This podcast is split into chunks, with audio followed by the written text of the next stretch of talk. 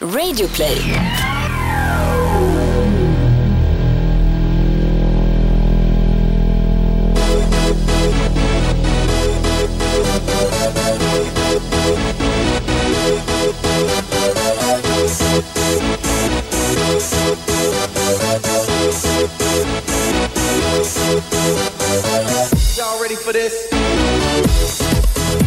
Då försöker vi igen då. Tredje gången gilt sitter man i den här studion på mindre än 24 timmar. Det är en frustrerad Thomas Wilbach och jag framför mig, men Toto Balutto, det är ju en podd som eh, inte ger upp i första taget. Nej, jag har ju bestämt mig för också att sprida kärlek nu när våren har kommit till Stockholm. Dock så har ju kylan eh, strömmat in över södra Sverige, börjar närma sig stan här också och det sägs att det ska vara snö.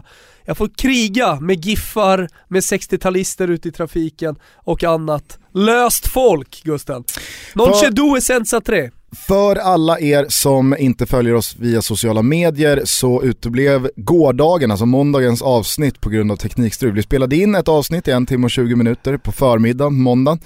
Och sen så när vi skildes åt så ringde superproducent Kim Wirsén och sa bara ah, jag är ledsen, ljudfilen är tom. Och då hade någon kommit åt en knapp som hade mutat hela filen.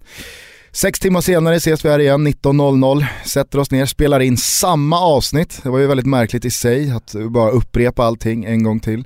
Och en timme och 20 minuter senare så händer alltså samma sak igen. Vi fick inte en enda sekund ljud i burken. Nej, vi får se. Vi kan eh, säkert vara lite eh, extra aktuella idag Gugge. Ja, det hoppas jag absolut. Eh, varmt välkomna i alla fall. Kul att så jävla många hoppar på detta eh, projekt, denna podd, denna skapelse som är Toto Balutto efterhand. Det är väldigt många som hör av sig och berättar att jag eh, upptäckte eran podd bara för några veckor sedan och har lyssnat ikapp alla avsnitt nu. Eh, och, och vi känner ju att eh, det finns hur mycket plats som helst på den här båten. Ja, vi är som Noaks ark som jag sa igår Gusten. Alla är välkomna, både människor och djur. Så att eh, fortsätt höra av er, vi blir eh, alltid lika glada av era tillrop eh, och sen så har ni ju eh, lärt er att vi börjar avsnittet med att gratulera några födelsedagsbarn. Jag skiter fan i att måndag 27 mars har blivit tisdag 28 mars. Det är en svag också födelsedag. Betydligt roligare igår, därför eh, knackar vi vidare på eh, den här plaketten som eh, heter eh, Grattis till Jimmy Floyd Hasselbank. Den holländska nummer 9-anfallaren som firade stora triumfer på Stamford Bridge, bland annat under sin tid i Chelsea. Eh, var ju vass ett tag i Leeds också och hade en avstickare till Atletico Madrid. Men det är ju Chelsea Hasselbank man, eh, man minns. Ja men det tycker jag. Sen så får ju han tillsammans med några andra också symbolisera det Chelsea som var pre-Abramovic. Precis, du har Eddie Gueye i mål, Marcel Desailly i backlinjen, Frank Leboeuf, Dennis Wise på mitten, eh, ja, sen så har du ju då där framme Sola, Tore André Flo, Hasselbank, Poirier. Gustavo Ja, Poirier. Det, det var de äldre Chelsea-supportrarna, typ David Fjell säger ett äkta Chelsea. Mm. Sen kom Abramovic och förstörde det lite. Men är inte känslan lite kring ryssen att han liksom har lämnat det där nu. Han var en av de första som kom in och pumpade in stora pengar i en europeisk storklubb. Eh, och att det liksom har kommit andra och tagit över den taf- stafettpinnen. Att vara eller att stå för det lite smutsiga. Vad heter det inom eh, maffiakulturen på engelska när du har blivit invigd? Du har blivit made. Ja, Alltså Abramovic, han är ju made. Han är ju invigd, han är inne i old school-cirkeln nu. ja. Känns nästan äkta. Ja men det, ja, jag håller med, alltså, det är helt klart andra lag som har fått ta över den stafettpinnen med Qatar-pengar och, och Kina-pengar och allt vad det är. Hur som helst, denna Jimmy Floyd Hasselbank, han eh, verkade ju alltså i Chelsea som var oerhört fin. Han gjorde oerhört mycket snygga mål. Ja det gjorde han. Bra tillslag Gusten och bra timing. Framförallt på volley. Ja. Han kunde smälla upp dem från de mest eh, bisarra vinklarna i nättaket. Nej, otroligt fin spelare. En av många holländska spelare som från 70-talet, eh, alltså födda på 70-talet, härstammar från Surinam. Mm. Då är Edgar Davids, eh, Clarence Seedorf, Mikael Reitziger. Det finns säkert fler, men jävlar vilken generation de hostade ur sig Surinam. ja, tänk om de hade haft ett landslag då, gått in i VM. Blir man inte lite nyfiken på vad fan de har pysslat med sedan dess? Uppenbarligen så har de ju fysiska förutsättningar och talangmässiga förutsättningar för att producera bra fotbollsspelare. Eller ska all cred tillfalla den holländska fotbollsskolan här? Jag tror att i slutändan så är det nog väldigt mycket den eh, då så uppburna ho- holländska fotbollsskolan som återigen då har, eh, ja, fram till en viss tid, vi får prata om Holland idag lite senare men, men eh, fostrade så otroligt mycket talang och förädlade talangen ska sägas också. Det blir lite mer Holland senare i avsnittet, det har ju stormat rejält i det orange senaste dagarna. Men eh, låt oss återkomma till det. Grattis säger vi i alla fall till Jimmy Floyd Hasselbank. Innan vi släpper Hasselbank bara så måste vi säga att, kommer du ihåg när Jimmy Floyd fick eh, tränarjobb i eh, Queens Park Rangers för några år sedan? Absolut. Då fick han ju, tyvärr, svara på frågor om huruvida han fick det här jobbet på grund av sin hudfärg eller sin kompetens. Han var ju väldigt noga med att säga så här, men jag kan inte göra någonting åt att jag är svart, jag, det, jag tycker att det här är liksom helt bedrövliga frågor att få, jag vet att jag är anställd här på grund av mina färdigheter som fotbollskunnig. Eh, men... Ja men det var bisarrt. Ja, samtidigt så har det ju varit ytterst få svarta managers ja. i engelsk fotboll. Eh, och även fast man tycker att 2000... Inte bara i engelsk fotboll. Nej precis, eh, överlag. Eh, och även fast man tycker att det här var väl 2013-2014 någon gång, att man borde ha kommit både längre än så och framförallt bort från sådana typer av frågor. Ja. Så visade det sig ändå att Jimmy Floyd Hasselbank var så pass tidig eh, på posten att de här frågorna ställdes. Eh, det här aktualiserades ju också tycker jag i Olof Lunds podcast för någon vecka sedan när Özcan Melke Michel eh, svarade på frågor kring ja. det här att eh, han upplevde att han inte hade fått chansen tidigare för sitt namn, för sitt ursprung. Ja. Eh, hade han hetat någonting annat så hade han eh, fått chansen tidigare. Det var han väldigt rak och öppen med att han trodde det. Ja, men jag tror att någonstans så tror man alltid att vi har kommit mycket längre än vad vi har gjort. Mm. Det finns alltid ett eh, arbete att göra och, och prata om det såklart också. Hur som helst så säger vi grattis till Jimmy Floyd Hasselbank, fan vad jag gillade honom alltså. Det var en, eh, en, en stor, eh, stor idol. Eh, och sen så säger vi också grattis till Gaiska Mendieta. Mm, vi gör ju det. Spanjoren som firade stora triumfer i Valencia inte minst, eller framförallt, och sen sedermera då testade sina vingar och det kan man ju säga gick sådär. Mm. Det var ju lite så att Mendieta blev symbolen för Lazios fall. Ja, han blev symbolen De hade ju ett otroligt fall. lag i slutet på 90-talet. Ja, Början men... på 2000-talet. Sven-Göran Eriksson på tränarbänken. Rabbla upp 4-5 spelare du minns från det här Lazio. Ja men eh, nästa, eh, Salas, Eh, vi hade Veron, vi hade Nedved. Alltså det, det, var ju ett lag som var byggt för att vinna, vilket man sedermera gjorde också. Alltså Crespo, ja, Vieri. Ja men det var, det var ett otroligt lag, det var många spelare också som, som, eh, Dejan Stankovic. som på ett eller annat sätt hamnade i, i Lazio.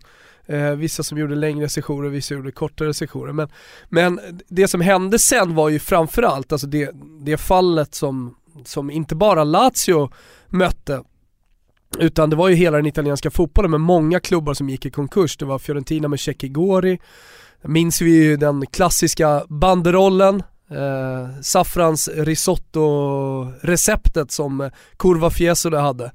Där det var risotto-ris, vitt vin, tror de hade lite buljong också och sen 4 gram cola. De hittade ju cola hemma hos Cecchi Gori när de gjorde husrannsakan. Men han, han sa att han trodde att det var saffran. Och vem var det här då? Eh, Cekigori. Mm. Han var president i Fiorentina.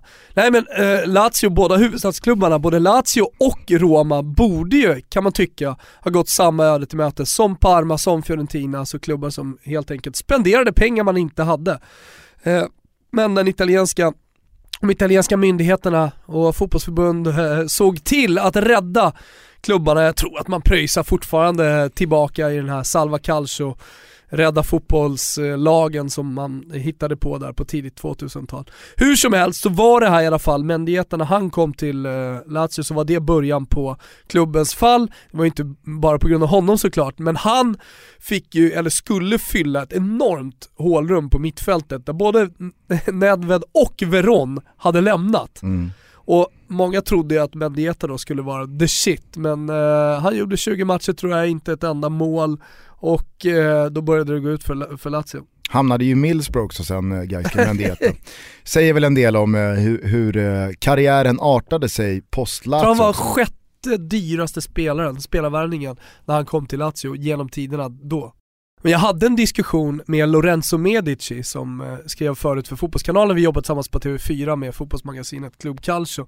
Han kronikerade, men då kom Mertens och Cajon samtidigt till eh, Napoli. Och då drog han det här gamla kortet då att spanjorer inte lyckas i Italien aktualiserat då, eller Mendieta ja. var ju den här spelaren. Han fick vara ansiktet utåt, ja. symbolen för att det inte funkar för spanjorer i Italien.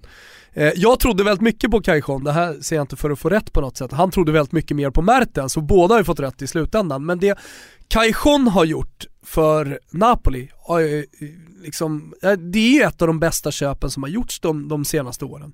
Definitivt. 10 eh, miljoner euro. Ja, 10 miljoner euro. Det får du inte ens en högerback från Burnley för. Nej, och sen så är han en väldigt speciell spelare.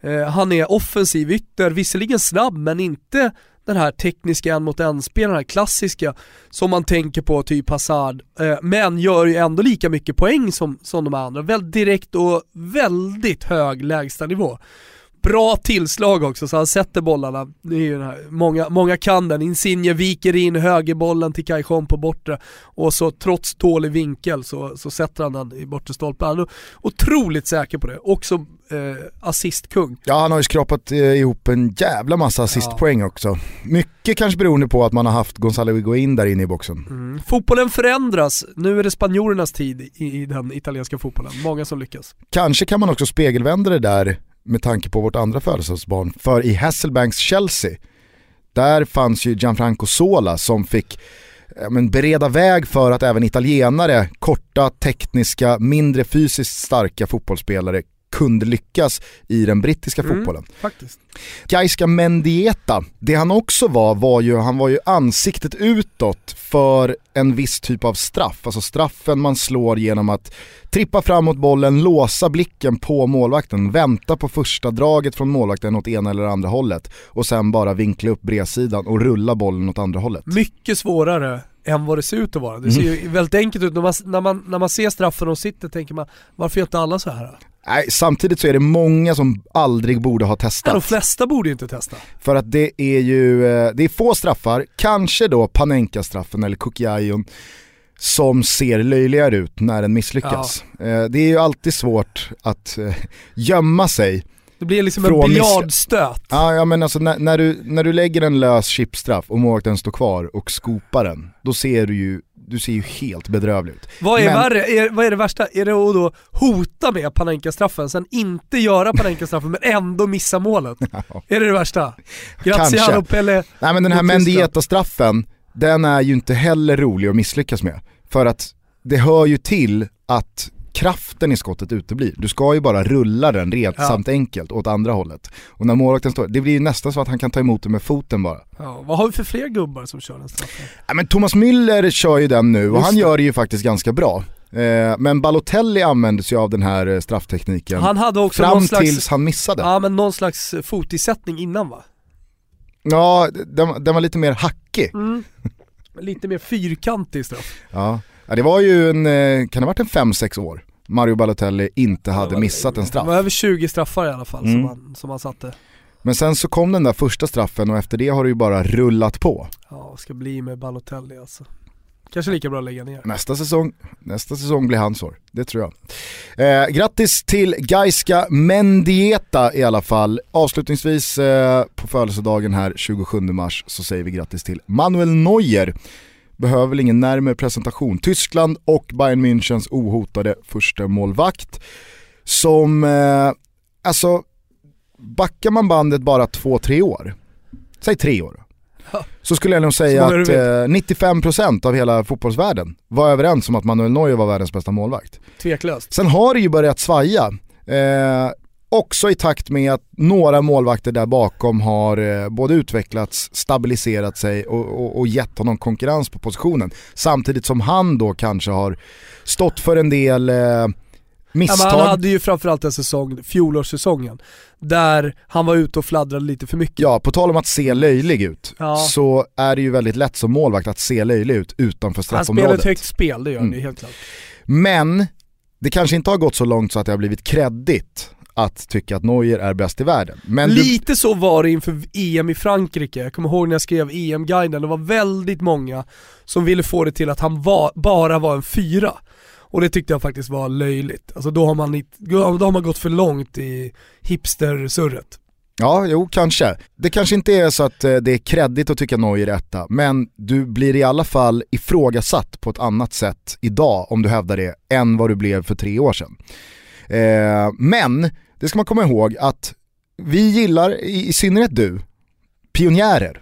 Ja, verkligen. Alltså när vi summerar Manuel Neuers karriär och kanske blickar tillbaka tio år efter han har slutat på honom så, så kommer man ju se honom som en banbrytande målvakt och en målvakt som, som liksom förde målvaktsspelet till en ny dimension. Att spela som en extra libero. Man hör ju ofta eh, när man pratar om modern fotboll att målvakterna måste vara bra på fötterna.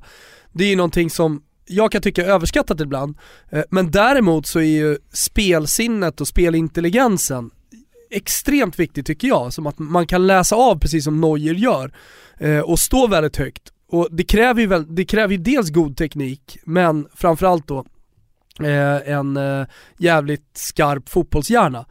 Och det är det som jag tycker gör Neuer så speciell. Att han, att han verkligen fattar när han ska rusa ut och inte. Sen är det klart att det blivit några plumpar, men ändå.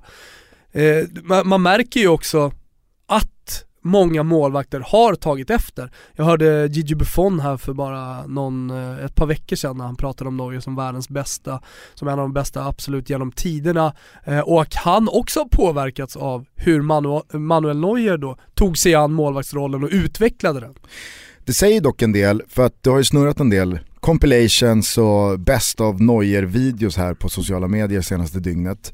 N när man kollar på dem så är det så jävla rimligt att de innehåller liksom lika mycket klackar och nedtagningar och uppspelsmackor på 70 meter som sitter ja. på läppen, som det gör med räddningar. Så såg det ju inte ut för några år sedan kring... Eh, alltså ja, det var Iguita då. Ja men, ja precis. Det var väl någon som hade bjudit på men något spexigt. Liksom. Men oftast så är ju målvaktscompilations, det är ju bara ett potpurri av riktigt vassa räddningar. Men det känns verkligen rimligare att Neuers hyllningsvideos innehåller klackar snarare än att han ligger uppe i krysset ja. och, och tippar den över ribban. Jo så är det ju. Eh, jag skulle vilja påstå att du som är född 1979, du har ju en minnesbank som är relevant från 1990. Kanske något år innan. Ja. Jag var tidig med fotbollen och sett väldigt, såg väldigt mycket VHSer på den tiden, men ja, vad du vill. Ja men okej, okay. säg 86 då. ja, då ska ju Schumacher med.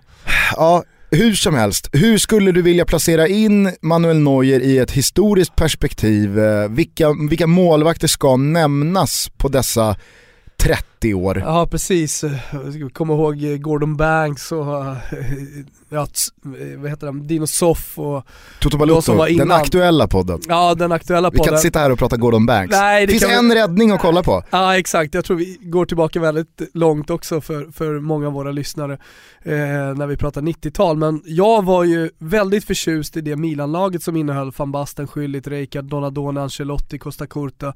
Eh, på tal om att vara kreddig, vet du vem som är kreddig att ha som favoritspelare i det Milan? Berätta. Savicevic. Ja, är det så kreddigt? Ja det är det. För när han väl ja, kom så var han helt fan... Jo men han kom lite senare till det Milan. Ja, ja, jag säger bara att liksom idag när du pratar om det Milan, Sakis Milan, tidigt ja. 90-tal. Jo, jo men van Basten de var ju där ännu tidigare, Jag säger bara att Savicevic är ju, det, det är det kreddiga svaret. Vi pratar om ett tidigt Milan, absolut, men, men Savicevic var också helt fantastisk. Ja det säger jag ingenting Och det var ju om. när, det var ju när van Bastens fötter inte började lira för honom också.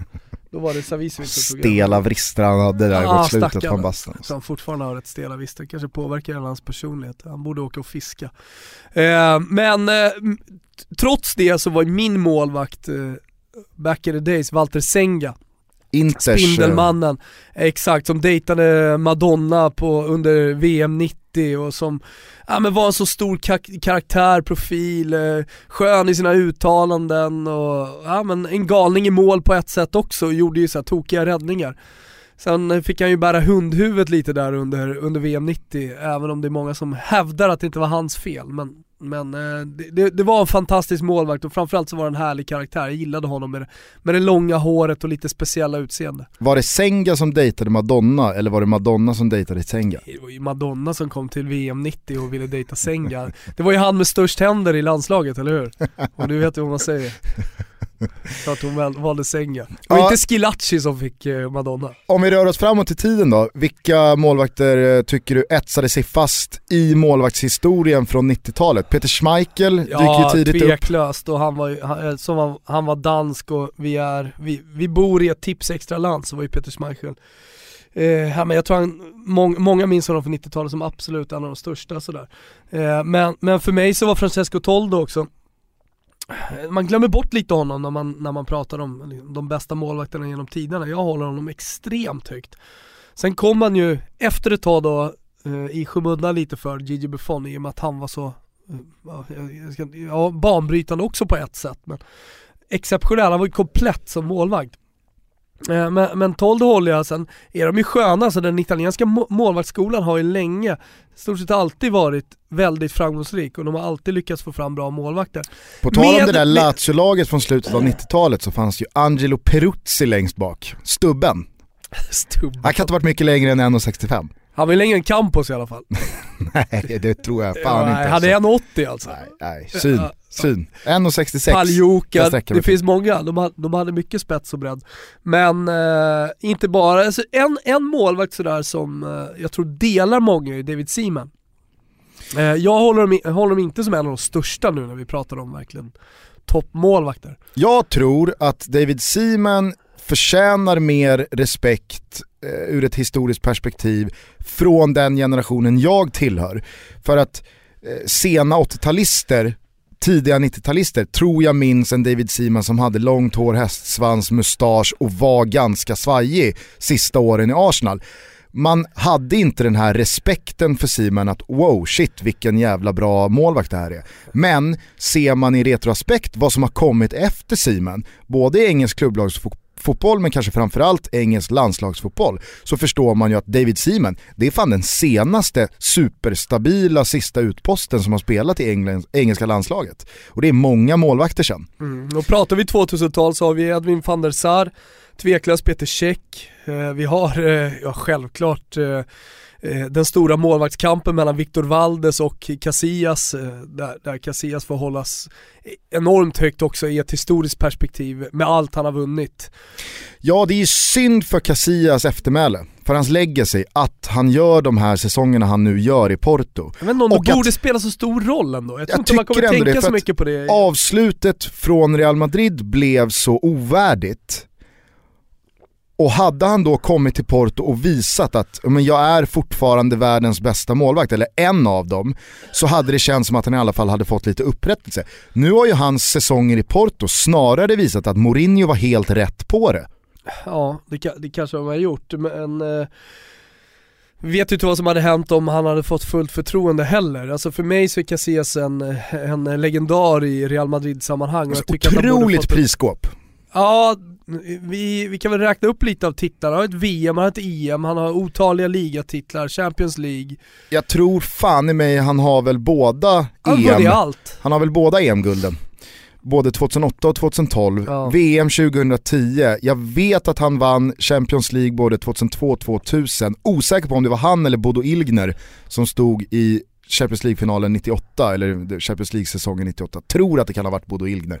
Eh, kan han ha 5-6 ligaguld? Mm. Eh, så att det, det är ju en målvakt som har ett prisskåp som är mer välfyllt än väldigt, väldigt många andra. Det ska bli jävligt intressant om tio år och se hur vi liksom stoppar in målvakter som eh, Donnarumma, de Gea, Courtois i det här Oblak, sammanhanget. Oblak, absolut. det är min, eh, det är min favorit. Ja, En målvakt från 90-2000-tal som jag tycker måste nämnas är Oliver Kahn. Man får inte glömma Oliver Kahn. nej. Det får man inte göra. Det var ju eh, faktiskt företrädaren då på den här tyska målvaktsposten. Väldigt svårt att tänka mig att eh, Mendieta hade kunnat slå sin straff mot Oliver Kahn. Sista ju- målvakten du vill vänta ut. Ja faktiskt, men lider lite av det här Lichsteiner-syndromet som vi har pratat om de senaste avsnitten.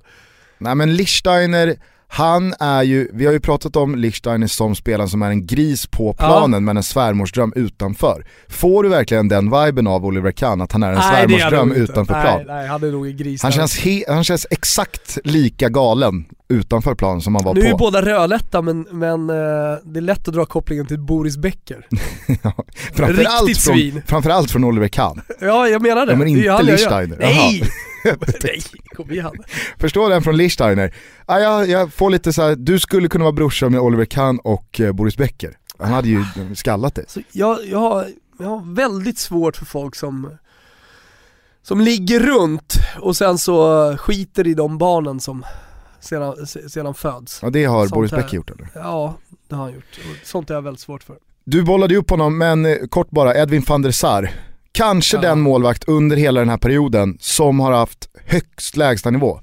Och det tror jag, i tider av eh, målvaktsspel där man eh, premierar librospel, spel med fötterna, det ska vara klackar och skit i compilations, så var ändå Edwin van der Sar den här målvakten som, du vet exakt vad du får. Mm. Du får ingen skit här. Nej. Och det borde ju målvakter, tycker jag, fokusera på i första hand. Eh, och sen så är det jättebra att vi fostrar målvakter som också är med i spelet på ett helt annat sätt. Mm. Jag märker ju faktiskt det nu när jag håller på med ungdomsfotbollen, att eh, man har ju tagit bort en hel del av målvaktsspelet från eh, de unga åren. Eh, man får till exempel inte sparka ut bollen längre utan du får bara kasta ut bollen. Eh, bara, jag, jag, tror det har väl att göra med att man vill ha mer spel så att det inte bara blir en målvakt som kan skjuta bollen till andra sidan. Det kommer man ihåg från när man var liten och spelade fotboll. Hade man en bra målvakt som kunde dunka upp det, då var det nästan målchans när det var utspark. Verkligen. Verkligen. Eh, fyll på med målvakten ni tycker bör nämnas från den här tidsepoken. totobalutto.gmail.com eller hashtag totobalutto. Grattis i alla fall till Manuel Neuer. Tjong i medaljongen, rätt upp i klykan satt din tutto-trippel, man får säga grattis. Tack. Det var med marginal. Ja, Visst satt man lite som på nålar när Italien ledde med 2-0. Jag hade underspelet och det var 10 minuter kvar. Men, som jag hade ju liksom tänkt i min analys och inför matchen så gick inte Albanien speciellt mycket före, även fast de låg under. Ja, de gjorde raka byten. Det kändes som att hela arenan ville att eh, Buffon skulle hålla nollan i sin tusende tävlingsmatch. Ja, och även albanerna. Mm. Eh, jag hade två av tre, som sig bör. ja, som alltid. Jag bommade på Belgien, hemma mot grekerna. Det var ju eh, såklart givet att grekerna skulle peta in 1-0 och sen bara bygga en eh, marmormur runt straffområdet. Ja. Eh, dock så måste jag säga att eh, fan man märkte även i det belgiska landslaget att Hazard saknas. Det pratas ju om eh, Mertens, De Bruyne, eh, Carrasco och så vidare och så vidare att det finns hur många som helst att välja mellan. Men Hazards frånvaro är tydlig, den Jag är tycker han ger en division till. Mm. Eh, jag har ju blossat upp Real Madrid-kopplingen här ordentligt senaste dygnen. Får väl se om eh, Chelsea får behålla sin belgiska juvel. Skitsamma, nya Toto-tripplar att vänta i nästa avsnitt. Det känns skönt i alla fall att vi är tillbaka på det vinnande spåret. Jag åker lite snålskjuts på din satta trippel igen. Men låt oss istället prata om våra polare på Betsson och visa färgerna. Exakt, eh, det är en kampanj nu inför att Allsvenskan ska börja som vi tycker är väldigt rolig och som vi kommer delta i och eh, som vi uppmanar alla som håller på ett lag i Allsvenskan och även andra supportrar att uh, vara med på. Det ja, är en jäkla kul grej. För vi kan väl bara initialt säga att det är länge sedan en kampanj hade ett pris som vi stöttar mer ah, det, det är faktiskt helt sanslöst. Vi ska bara börja med att berätta vad det här handlar om. Att från och med måndag 27 mars, det var alltså igår, så kommer 57 stycken interaktiva reklamskyltar att finnas runt om i Stockholm. På reklamskyltarna kommer ett allsvenskt lags färger att synas. Men vilket lag som visas bestämmer fansen. Genom att ställa sig inom en radie av 20 meter från skylten kan man med sin mobiltelefon byta färg på skylten i realtid, det är det som är så jävla ballt, till just ditt favoritlag. Och det lag med flest övertagna skyltar den 2 april det brinner i knutarna här nu Gusten, det är bara ut och hitta de här interaktiva reklamskyltarna och in på visafärgerna.nu så ser ni var de finns också. Men det lag med mest övertagna skyltar den 2 april vinner 30 000 kronor till sitt tifo, till sin tifo-verksamhet. Alltså 30 lax ner i tifohinken, det är, det är inte dåligt. Nej det är faktiskt jäkligt bra. Eh, Raul som är Big Boss på uh, Betsson, Top han dog. säger så här. Woof, woof. Wow! Är det det du har? Jag vet inte. Waff, waff! waff! Jag kan inte härma hund.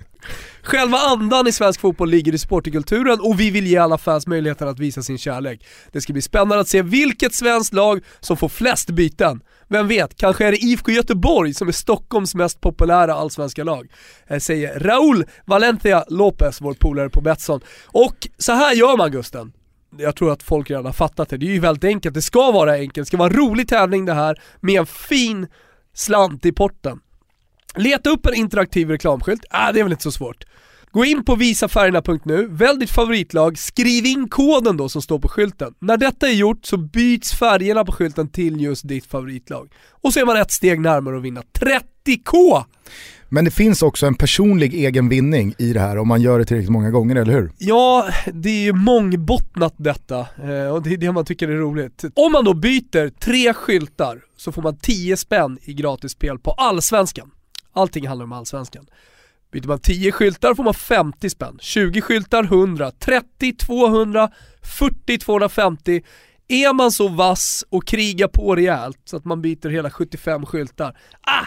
Då är det en lax in på Betsson-kontot att spela för på Allsvenskan. Ni hör ju själv, det finns pengar att tjäna in i egen ficka men framförallt ner i sitt lags tifo-hink. Ladda telefonerna, ge er ut på stan, hitta de här interaktiva skyltarna och så är det ju bara att eh, dominera, för det här är ju precis som Raoul är inne på i sitt budskap här, det här är ju territoriell revirpiss. Ja men det är det verkligen. Gnagare på Södermalm, Bajare i Solna, det finns aik på Öfre och så vidare och så vidare.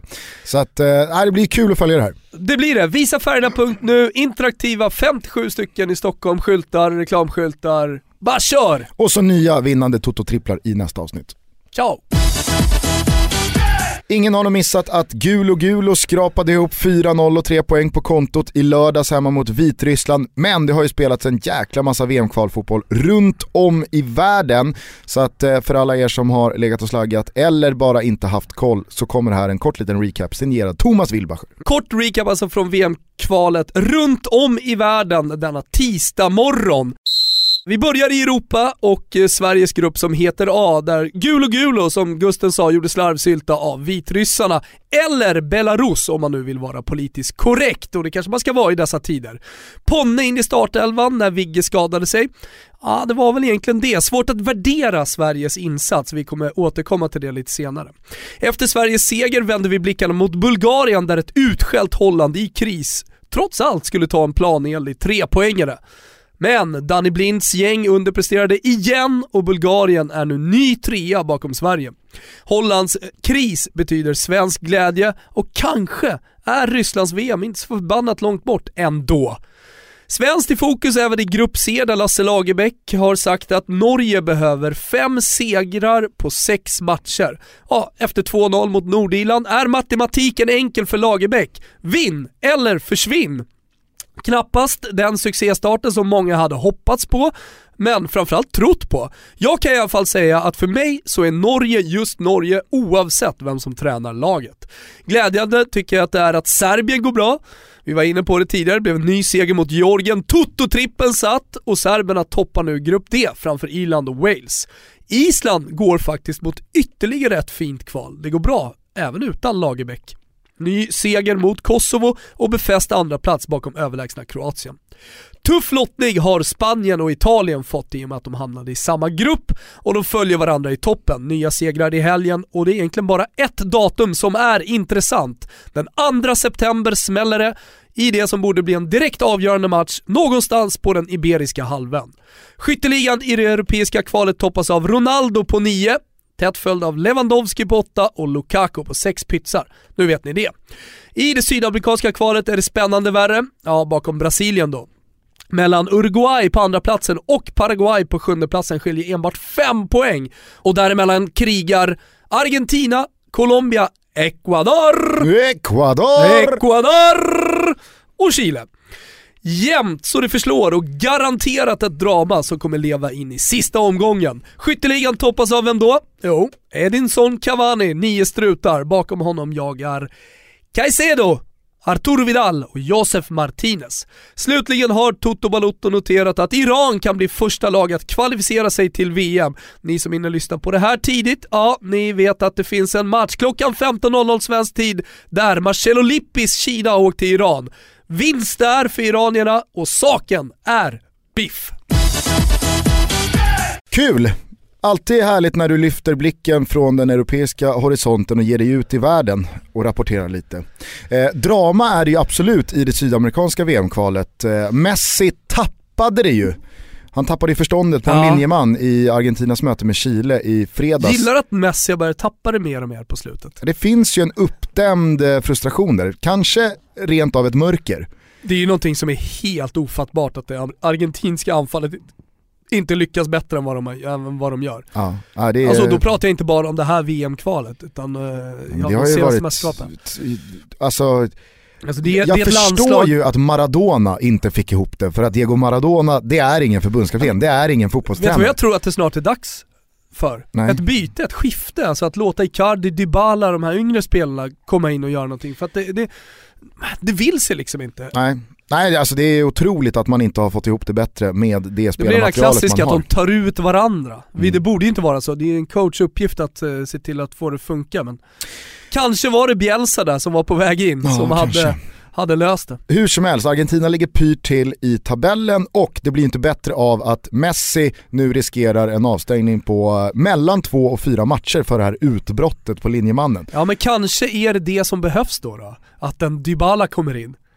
Han sägs ju vara den nya Messi. Kanske hade, eller har Argentina samma diskussion som vi hade i det här landet för 5-6 år sedan. Är Argentina ett bättre fotbollslag utan Messi? Nej fan. Precis Ja. som vi hade. Är, Men- men är där- Sverige bättre utan I Zlatan? Argentina så, hur bra Messi än är, så finns det lite större bredd i anfall, på anfallspositionen. Ja, alltså deras Ola Toivonen är ju Gonzalo Higuain. Eh, Exakt. Så att det är lite skillnad. Deras unga gubbe som kommer upp, vem är det då? då? Ja, det är väl då kanske typ Dybala. Ja, eh, Icardi. Ja, de är väl lika gamla. Ja. Eh, 93 så att, Ja, vi har Kiese Thelin. Ja, vi har Kiese Thelin, det var den jämförelsen jag sökte. Eh, nej men eh, kul också att du kan eh, räkna in Edinson Cavani på den fronten också. Han gör inte bara mål i klubblaget. Du stack ut hakan tidigt i Toto Baluttos linda och sa att Edinson Cavani kommer fylla skorna efter Zlatan. Eh, se honom göra 30 mål, nu har han gjort 27 i PSG, han toppar eh, skytteligan i eh, det sydamerikanska VM-kvalet också. Så att, Jo, man kan ju raljera kring det där, äh, men den analysen som jag gjorde var ju den jag tyckte var intressant och jag tyckte att folk skulle lyssna på snarare än att säga att Cavani var en målsumpare för han hade missat lite chanser i början på säsongen. Alltså han var otroligt bra när han kom till Napoli och då gjordes om från att ha varit ja, men ganska långt utdragen till vänster eh, och även i landslaget tog ett stort defensivt arbete eh, till att bli då en, en renodlad nummer nio som alltid fanns i boxen. Eh, det, det har ju Uruguay också eh, fattat efter att han började stänka in bollar i, i Napoli. Eh, men då i eh, PSG, när Zlatan var där, så fick han inte riktigt de chanserna. Nu eh, spelar laget för honom och eh, ja, jag är inte förvånad. Kul också att du eh, fick in Iran och att de kan bli första lag klara. Ja, det ska Eh, uppmärksammas. Det, det gör ju dock att jag snabbt förflyttar mig till Afrika och undrar så här, vad sysslar Afrika med då? Alltså mitt i detta VM-kval, när, när, när lag börjar bli klara för VM 2018, då har Afrika precis avslutat sitt afrikanska mästerskap. Alltså de är så jävla oortodoxa. De bara kör sitt kör eget sitt race. race, alltså. Måste man älska. Eh, tillbaka till det europeiska VM-kvalet då, tillbaka till Friends Arena, tillbaka till lördagens match mellan Sverige och Vitryssland. Ja, vad 4-0. finns det att säga egentligen? Jag tänker säga två, tre saker bara. Till att börja med så skulle jag säga så här, jag har fortfarande inte landat i om jag tycker att det var en stabil och jävligt bra insats av Sverige eller om det var Vitryssland som var genomusla. Men det var ju som Jonas Tern sa på träningen dagen innan matchen. Han hade scoutat, eller Sverige hade scoutat där han eh, ledde arbetet Vitryssland under hela hösten. Sen bytte de förbundskapten till den här matchen och bytte ut sju spelare. Det är svårt att veta vad man har dem. Mer eller mindre fick man ju kasta de här scoutrapporterna och så ja, men gå till omklädningsrummet och säga vinn bara. Ja. Vi är bättre än det här laget. Och vi ska alla komma ihåg att eh, Vitryssland alltså löste 0-0 mot Frankrike så sent som i höstas, så att det var ju ett lag man visste att de är svårgenomträngliga på en bra dag. Så att jag, jag gick till Friends Arena och gick ut på den där läktaren och kände bara nyckeln här det är att ta ledningen i första halvlek så att inte stressmomentet kommer med en klocka som tickar neråt och det börjar bli bråttom och folk börjar ta dåliga alltid. beslut och någon börjar skjuta från 45 meter och sådär. Och det måste man ju faktiskt säga att Vitryssland hjälpte till med ganska bra för att Alltså det, det, var som att de ville ge oss en straff. Ja, marginalerna var ju verkligen på vår sida i målen också. Det var ju till och med ett, en balja som inte skulle ha suttit. Ja, alltså de första tre målen, det är ju, det är, det är ju gåvor. Ja. Nej, det var, det var helt otroligt. Man blir också, man blir lite förvånad nu för tiden när det är viktiga matcher och man inser att uh, den här goal line technology inte finns i alla turneringar. Vad härligt det är alltså. Tycker du det? ja, jag älskar det. Ja, domaren har dömt. Nu gjorde Marcus Berg så här. Vad gjorde då domaren? Jo, han vinkade för mål. Alldeles oavsett om det var Sverige som var jättebra eller om det var Vitryssland som var kanonusla så kan vi i alla fall konstatera att det är inte det är inte bara att gå ut och hämta 4-0 och 3 poäng. Det finns lag som har gått på plumpar, Sverige har gjort det också, herregud.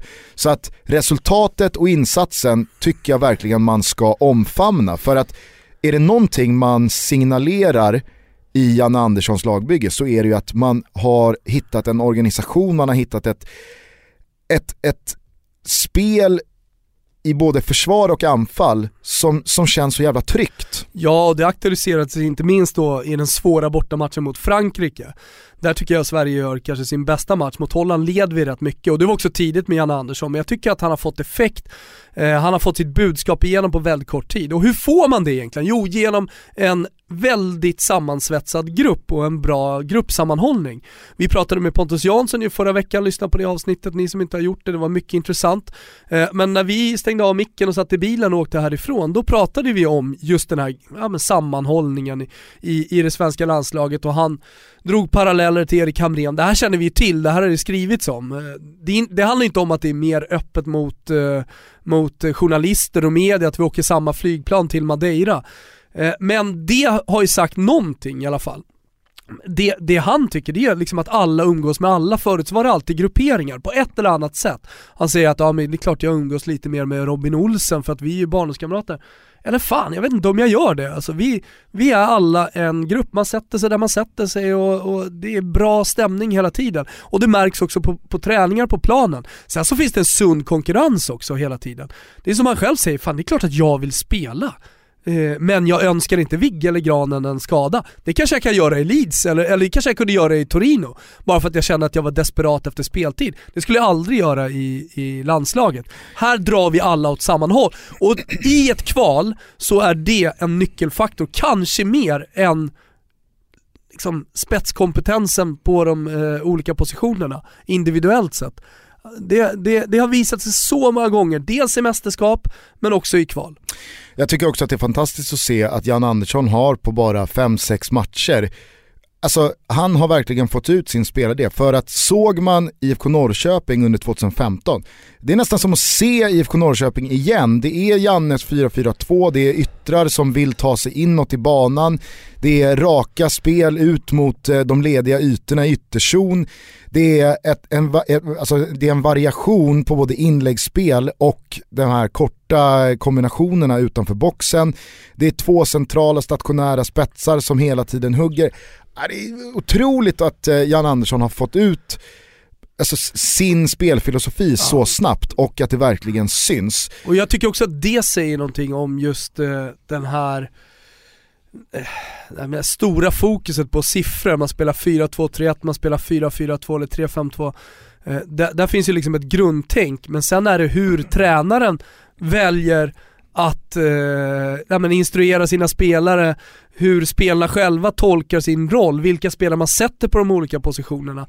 Eh, för det finns 4-4-2 som är väldigt eh, förlegat och alldeles för traditionellt. Eh, som, ja, jag kan tycka ibland Lagerbäcks eh, att, att hans lag, i alla fall svenska lag förut var, men, men även efter att ha sett det här norska laget, eh, där, där jag tycker att Janne Andersson har tagit 4-4-2 in i framtiden på ett helt annat sätt. Jag eh, tycker också att eh, det har varit svårt att landa i huruvida man älskar eller blir lite brydd av att Janne i ställning 3-0 med 25 minuter kvar, då Albin linkar av med en känning i foten, byter in jordfräsen Jakob Johansson. snarare än att testa några av sina offensiva eh, alternativ, kanske då framförallt Sam Larsson. Men jag, jag viktar nog ändå över till att älska att eh, Janne kör Jakob Johansson in i den rollen ändå. Det ska inte tas några fångar, det ska inte chansas här. Så att, äh, bra. Många var ju också tveksamma till äh, att Jimmy Durmaz startade som alltså har suttit i frysboxen i Toulouse senaste tiden. Tycker Jimmy Durmaz gör det jättebra första timmen. Sen att han kroknar, det är väl inte så konstigt när man har spelat så lite ja. mot slutet.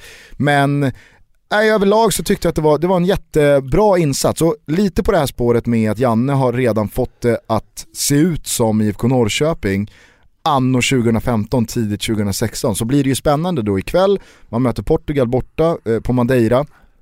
Jag tror, om man ska döma eh, förhandsrapporterna, att det bara är Andreas Granqvist som är kvar i elvan från lördagen. Sen så har de skiftat tio spelare. Men kan man även i det skönja linjerna ja. från i synnerhet då Frankrike-matchen, för att det ska man ju komma ihåg att Portugal borta, det är inte Vitryssland hemma. Så skulle jag nog säga att Janne Sägs att Portugal ska spela ett bra mer. lag. Ja, men det, då, då ger det ju Janne ännu mer plus i hur bra han är på att få ut sina tankar, få ut ja. sina filosofier och sina idéer. Jobbigare har det varit för Holland. Torsk mot Bulgarien borta med 2-0. Det blev också det sista som Danny Blint gjorde som holländsk förbundskapten. Och nu du Tobas, alltså nu är det ju inte någon liten minikris här. Nej. Blåser det positiva vindar i Sverige så vet jag inte vad man ska eh, benämna väderleken i Holland. Alltså för att man missade EM 2016 och vad hade man för grupp? Vad hade man för förutsättningar? Ja, Ska vi börja där? Otroligt. För det första så gick vi in i EM-kvalet som svenskar Eh, Eh, med inställningen att vi inte kunde missa. Nu har man gjort om det så det går inte att missa. Är man då Holland, ja, eh, det ska inte finnas en möjlighet att ens komma trea. Där hade man Tjeckien, där hade man Island, där hade man Turkiet, men Holland hamnar fyra. Och då tyckte man kanske att det var missräkning, det var fel förbundskapten, eh, andra saker i gruppen då, vi pratar om gruppdynamik i Sverige, som inte stämde. Eh, men nu är det ju faktiskt eh, bekräftat att Holland är inte bättre så, än så här.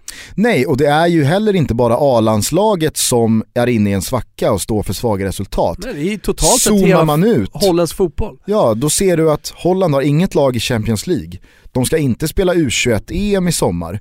De har inte en enda spelare med på listan över eh, de 30 största talangerna i, den, i, eh, i fotbollen som Gazzetta dello Sport kom ut med för någon månad sedan. Och jag vet, det kanske inte är någon jätteindikator, men någonting säger det om eh, Holland när man tidigare alltid har levererat världsspelare.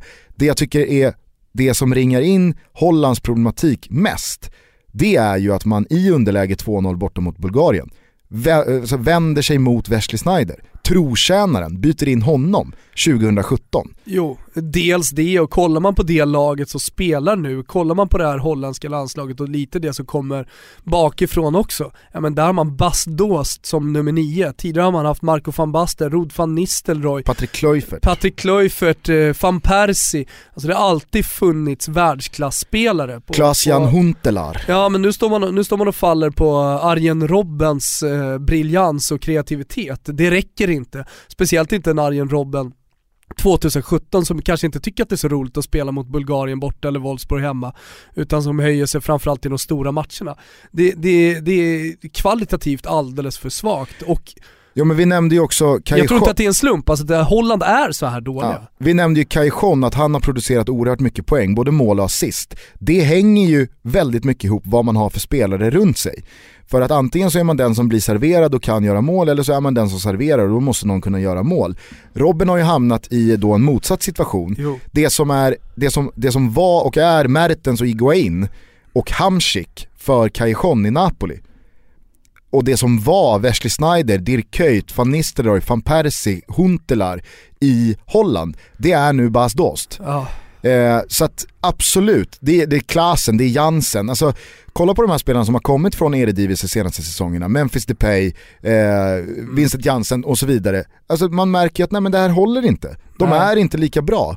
30 mål i PSV, ja, det kanske är någonting Men det är fan inte vad det var för 5, 6, 7, 8, 10 år sedan. Eller som det alltid har varit skulle du kunna säga. Ja, exakt. Så att Holland är ju... Från den holländska totalfotbollen från 70, på 70-talet och framåt egentligen. Holland är inte ens inne i en svacka utan Nej. Holland, vi får fan omvärdera Holland på riktigt här. Ja, och hur, hur mycket pratar man om eh, den holländska, eller Ajax-skolan nu för tiden? Dit alla vill och dit alla lag åker ner och, och alla akademier i Sverige åker ner och tittar hur det funkar. Inte lika mycket av den varan nu. Nej, och vi får väl se vem nu som tar Holland för att det är inte ett uppdrag som jag tror kittlar jättemånga. Nej. Du ligger pyrt till i en grupp och du var inne på det i ditt svep att Lagerbäck kommer in i Norge, de har en prekär tabellsituation och det är så här, ja Jo, men vinner vi fem av. Exakt. Så att där finns det inte så mycket att förlora. Den som tar Holland nu, det är ju Europas kaxigaste folk. Ja. De kommer ju inte köpa att, ja ja vi fattar att det är ett utsatt tabelläge utan du ska ju bara komma in och lösa den här andra platsen. Annars har du misslyckats, annars kommer de förmodligen behöva byta igen. Ja. Jag såg någonting om att eh, om folket får bestämma så är det 40% här nu på Fanchal. Eh, två andra alternativ är Klinsmann och Frank de Boer. Klinsmann känns ju som det absolut sämsta alternativet de kan gå på. Med tanke på vad Frank de Boer gjorde i Inter, trots alla vitsord och lovord som han får från fotbollsvärlden och, och stora tränare så, äh, jag vet inte om jag tycker att det är rätt gubbe att komma in och ta över det här landslaget. Jag kan i alla fall tänka mig att det inte är många tränare De som är behöver ju jättesugna en- på det där. Som kastar hårtorkar, alltså en, en, äh, en tränare med pondus in i det omklädningsrummet. Förmodligen, och, och kanske är det Fanchal som kan komma in och lösa det här. Men jag, jag tror inte, Fanchal-gubben alltså som är sista hoppet för Holland. äh, alltså, det ska man komma ihåg att man kom trea i VM 2014. Ja. Och det är inte ens tre år sedan och det Nej. var Fanchal vid det rodret då. Ja, men, det var ju sista, eh, sista tiden för den generationen. exakt, Och man, fort, generationsväxlingen den sliter man med. Att Det är inte första gången man ser det, men det är Holland. att man fortfarande vänder sig mot Wesley Sneijder 2017. Jag, jag, det är sånt jävla underbetyg alltså. Det är som om Henke skulle liksom plocka ner skorna från spiken igen och dra på sig landslagströjan. Mm. Henke, ska du inte köra? Alltså det är... All tror i och för sig att Henke hade lyckats bra. all respekt åt Wesley Sneijder, jag älskar honom. Det, han har en fantastisk karriär och han var otrolig, i synnerhet då 9-10, det vet ju Ja. alla. Han borde ha fått den där Ballon d'Or, men det är slut, det är över. Ja.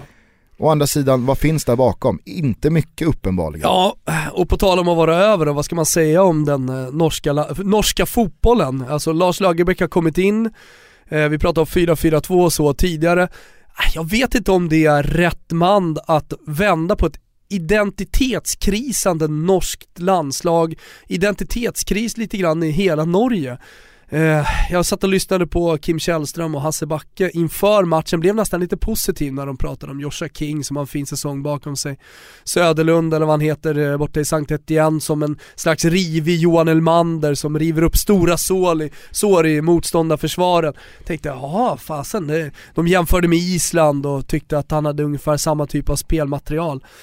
Och sen så började matchen och det kändes bara som att Nej, man, jag ska inte säga att man tog ett steg bak, men jag kände inga, liksom, inga, inga förhoppningar borta mot Nordirland om att det här norska landslaget kommer ta kliv framöver. Jag, jag tror att du är helt rätt på det här när Men du håll med om benämner den här det som en-. Ja, exakt. För att Norge, det ska man komma ihåg, det var ett land som med sin förbundskapten, sin ja men fan, kultförklarade och nästan adlade förbundskapten Egil Drillo Olsen, gräsallergiken med gummistövlar. Han nådde ju alltså resultat med Norge som eh, var fantastiska för ett sånt fotbollsland. Och jag fattar att man, när man som Norge nu är svältfödda på framgång, om nu ett mästerskap är en framgång, men det ska man väl absolut påstå att det är, att man då börjar blicka tillbaka till när var vi som bäst, när gjorde vi som mest resultat? Jo det var fan med Egil Drill och Olsen. Det var en primitiv fotboll, det var raka rör, det var en ordentligt eh, alltså, fokuserad organisation. Det var inget klapp-klapp och eh, tjo och tjim, men det var fan vägvinnande.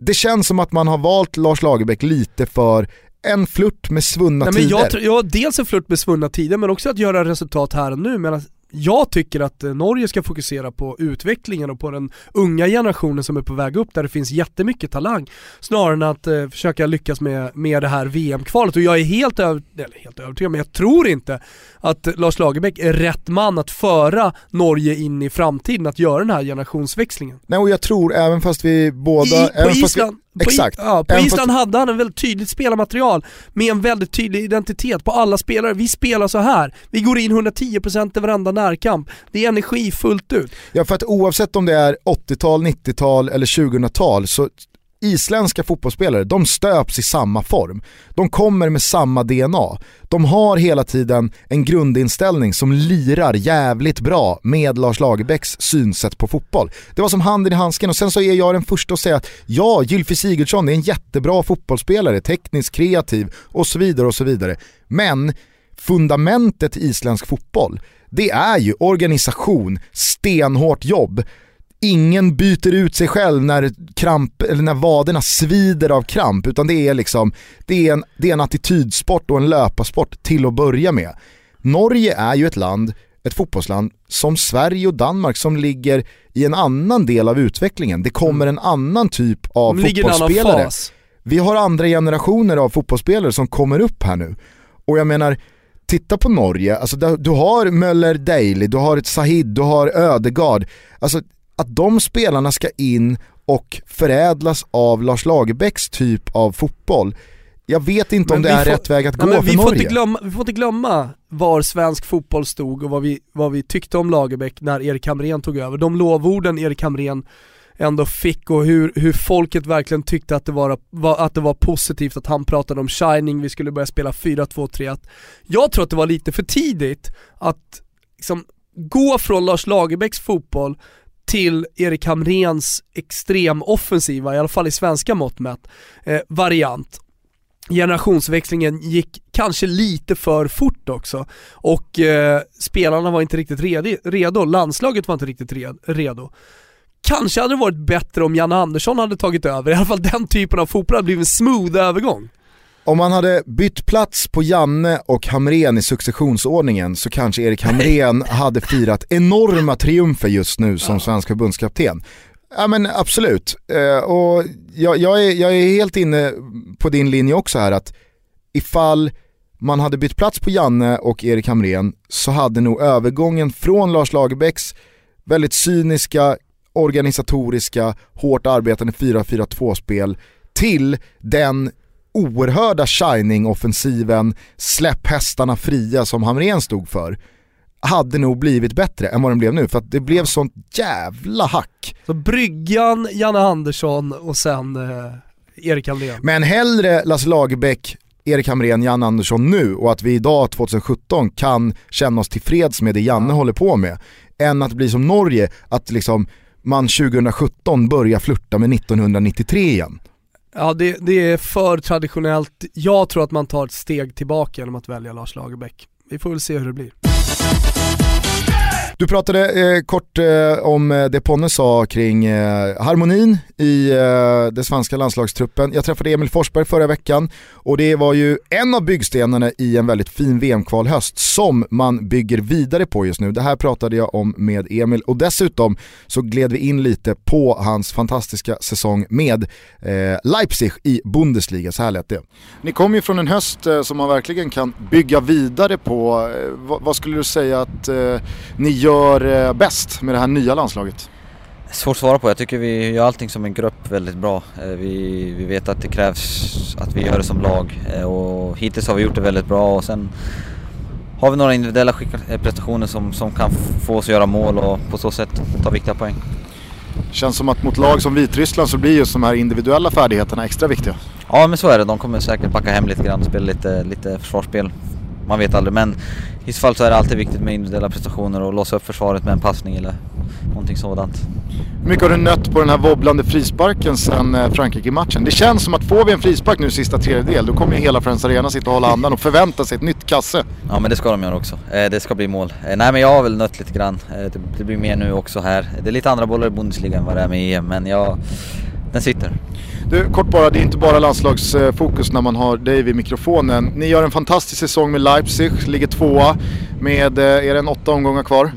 Eh, jag är bara nyfiken hur eh, man tänker när man som nykomling ligger tvåa så långt in i serien. Hur den här slutar så gör ni en fantastisk säsong. Men Känns det som att man har förlorat ett ligaguld eller är det en Champions League-plats att försvara nu? Hur tänker man? Alltså det, jag tror varje spelare spelar för att vinna eh, och den tanken ligger nog kvar långt inne hos varenda spelare. Men just nu så fokuserar vi på, på att vinna varenda match och ta våra poäng och sen gör vi det så vet vi att det räcker till Champions League såklart och Champions League är ett mål, det ska man inte säga att det inte är. Men när, det är frågan. Men eh, jag tycker att det ser väldigt ljust ut. Vi har haft en fantastisk säsong och nu är det som du säger åtta eller nio omgångar kvar och det är bara att gå ut och njuta och, och plocka poängen så ska vi se till att spela Champions League. Hur oväntat var det att eh, Per Nilsson klev in i klubben? Två Sundsvallsbor eh, som rattar den där, det där bygget. Ja, nej det, jag, det visste jag inte om faktiskt så det, det är kul. Det är kul för Pelle. Om vi bara börjar kort med eh, Leipzig-säsongen. Skulle du säga att man har förlorat en ligatitel, att man nu har en Champions League-plats att förlora eller att man oavsett utgång gör en succésäsong? Det är svårt det där med nykomlingar. Ja det är klart att det är det, men med tanke på den hösten man gjorde, att man var uppe och nosade och, och utmanade Bayern München under ganska lång tid eh, och nu befinner sig på Champions League-platserna. Det är en klubb som satsar, en klubb som vill etablera sig bland topp fyra i, eh, i den tyska eh, högsta ligan så jag äh, men då, då, då vore det ett misslyckande. Många skulle vara extremt besvikna om det inte blev Champions League. Sen att det, det kom snabbare än vad klubben kanske själva trodde också det är en sak, men när man har gjort den här säsongen och sen skulle man falla på målsnöret.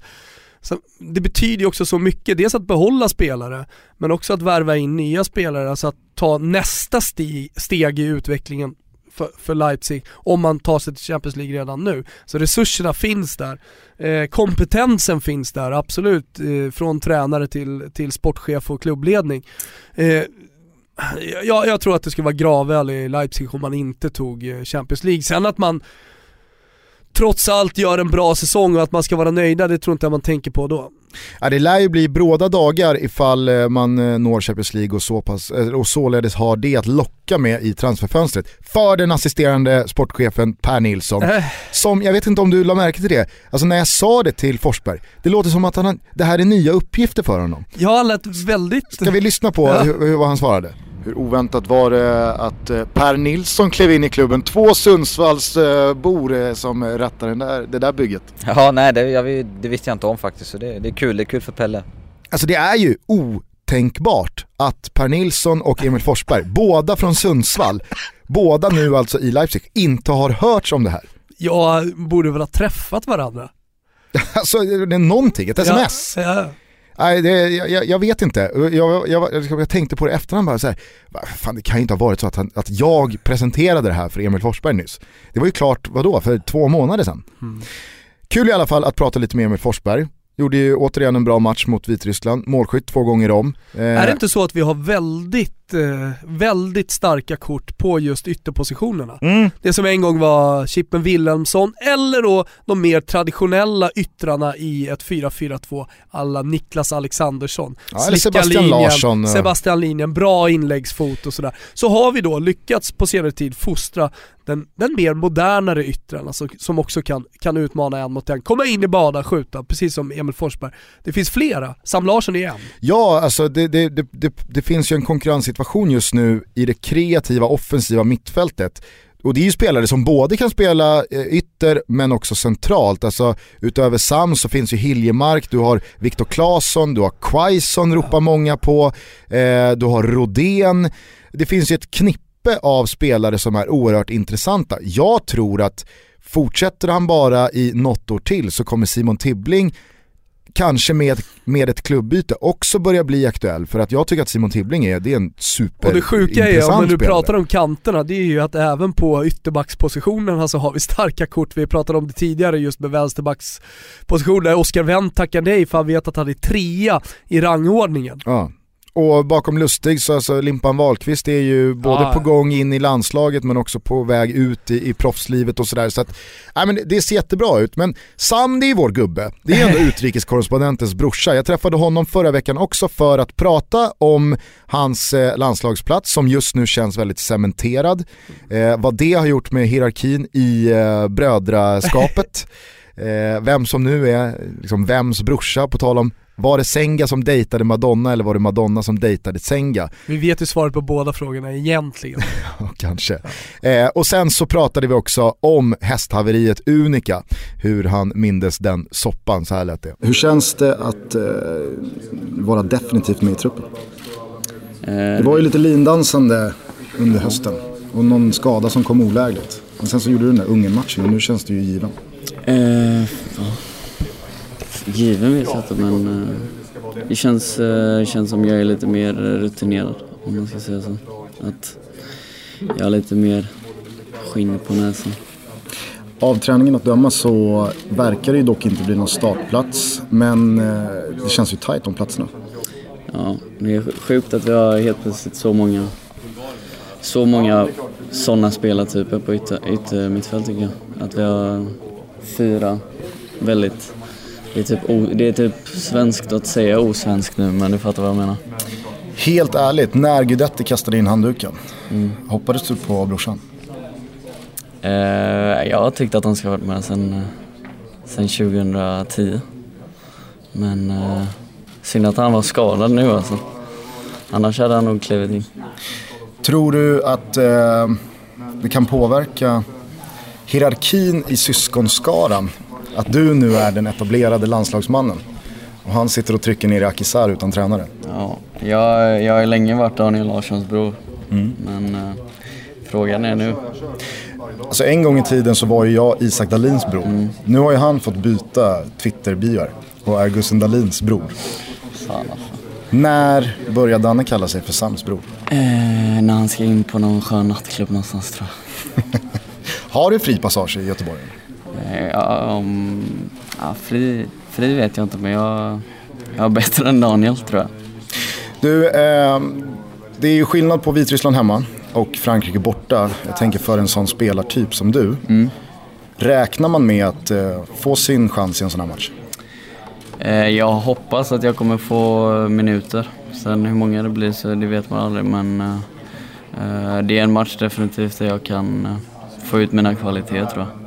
Så förhoppningsvis så kan jag göra några minuter och annars så hoppas jag givetvis på Portugal, Portugal-matchen.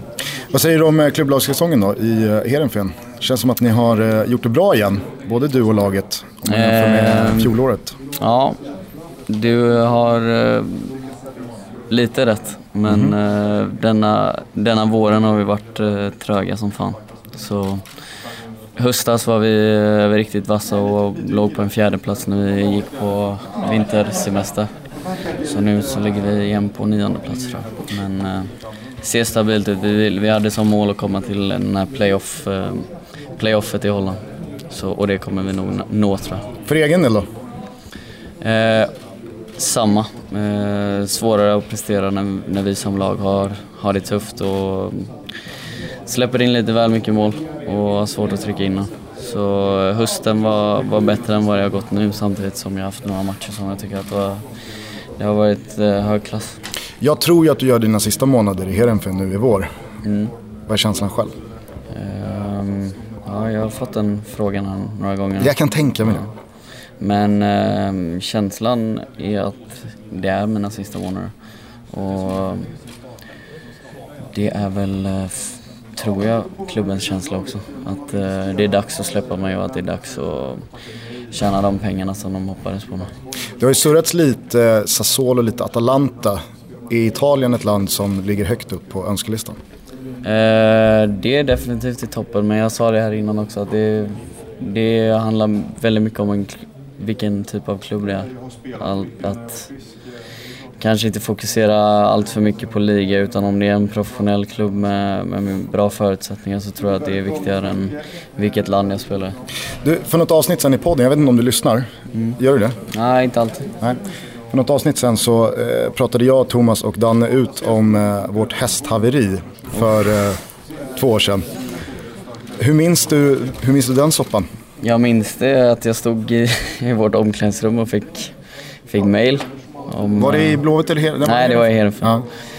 Ja. Och eh, jag skrek ut min frustration i eh, mycket svenska svordomar och könsord och sen så frågade folk vad, vad händer?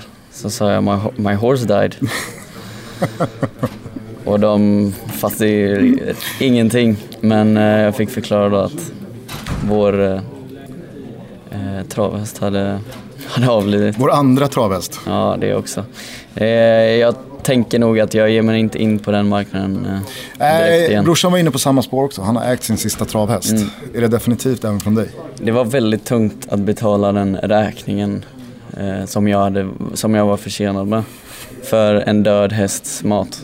Det var riktigt tungt. Danne, han äskade ju om att få köttet.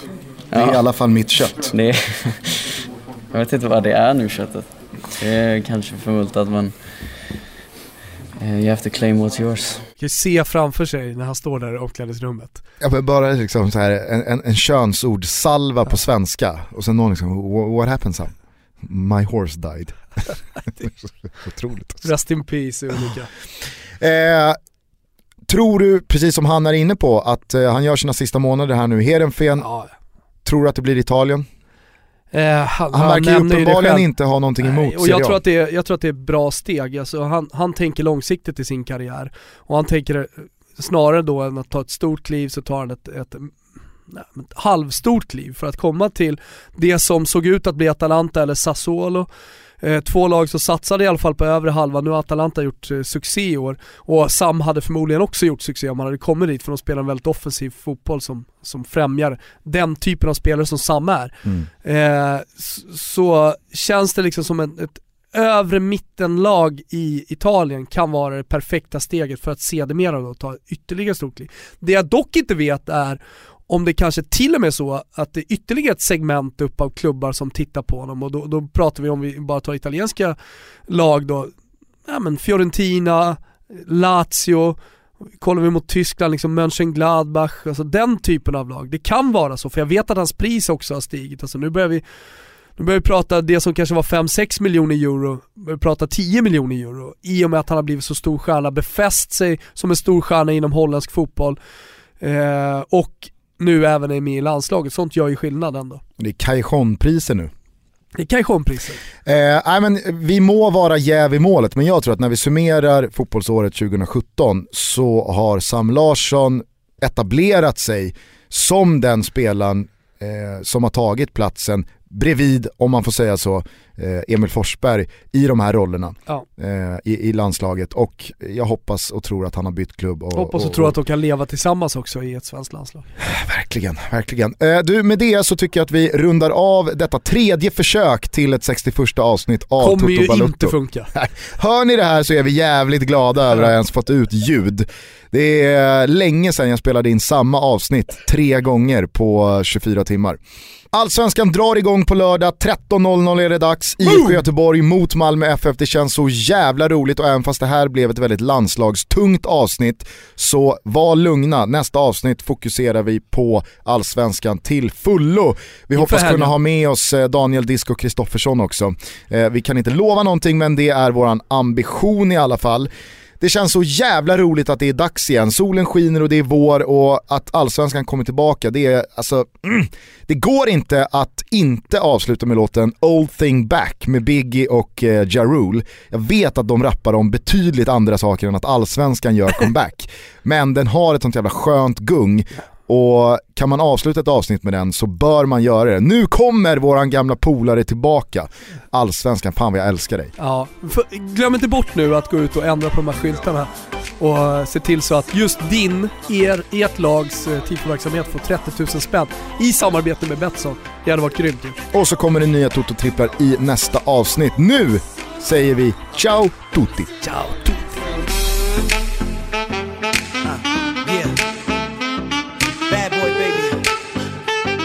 Ralph Tresvant. Make it small.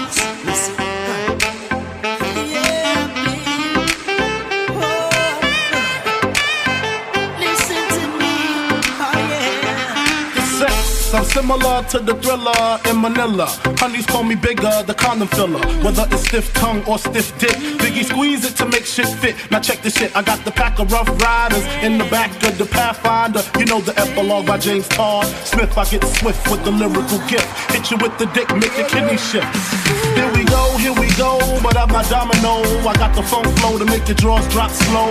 So recognize the dick size in these Carcanine jeans. I wear 13s, know what I mean? I fuck around and hit you with the Hennessy dick. Mess around and go blind, don't get to see shit.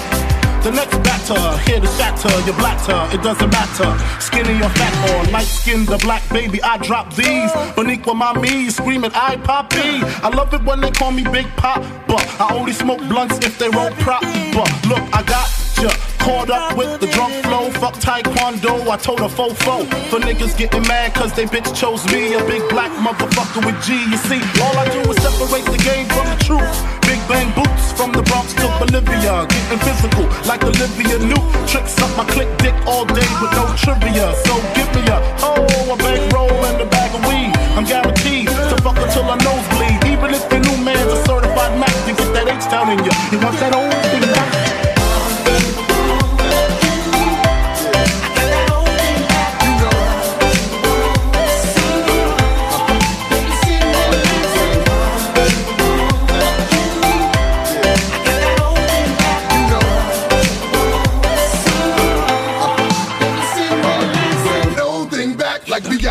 B-I-double-G-I-E with some new R-U-L-E. Notorious, known for busting in your E-Y-E. Baby, baby, bitches know they love to hate me coming back, so maybe how close we came to coming together is crazy. How come you witnesses make similar faces when y'all coming, y'all be crying like I'm killing y'all bitches. I know there's a bigger picture than the camera rolling, cause I don't think y'all be knowing how this shit's unfolding. Back shots to the rear, got the Mac unloading, gotta reload like every so often. Saying I got my swagger back, I'm looking like this, my swagger never left, don't be so hard.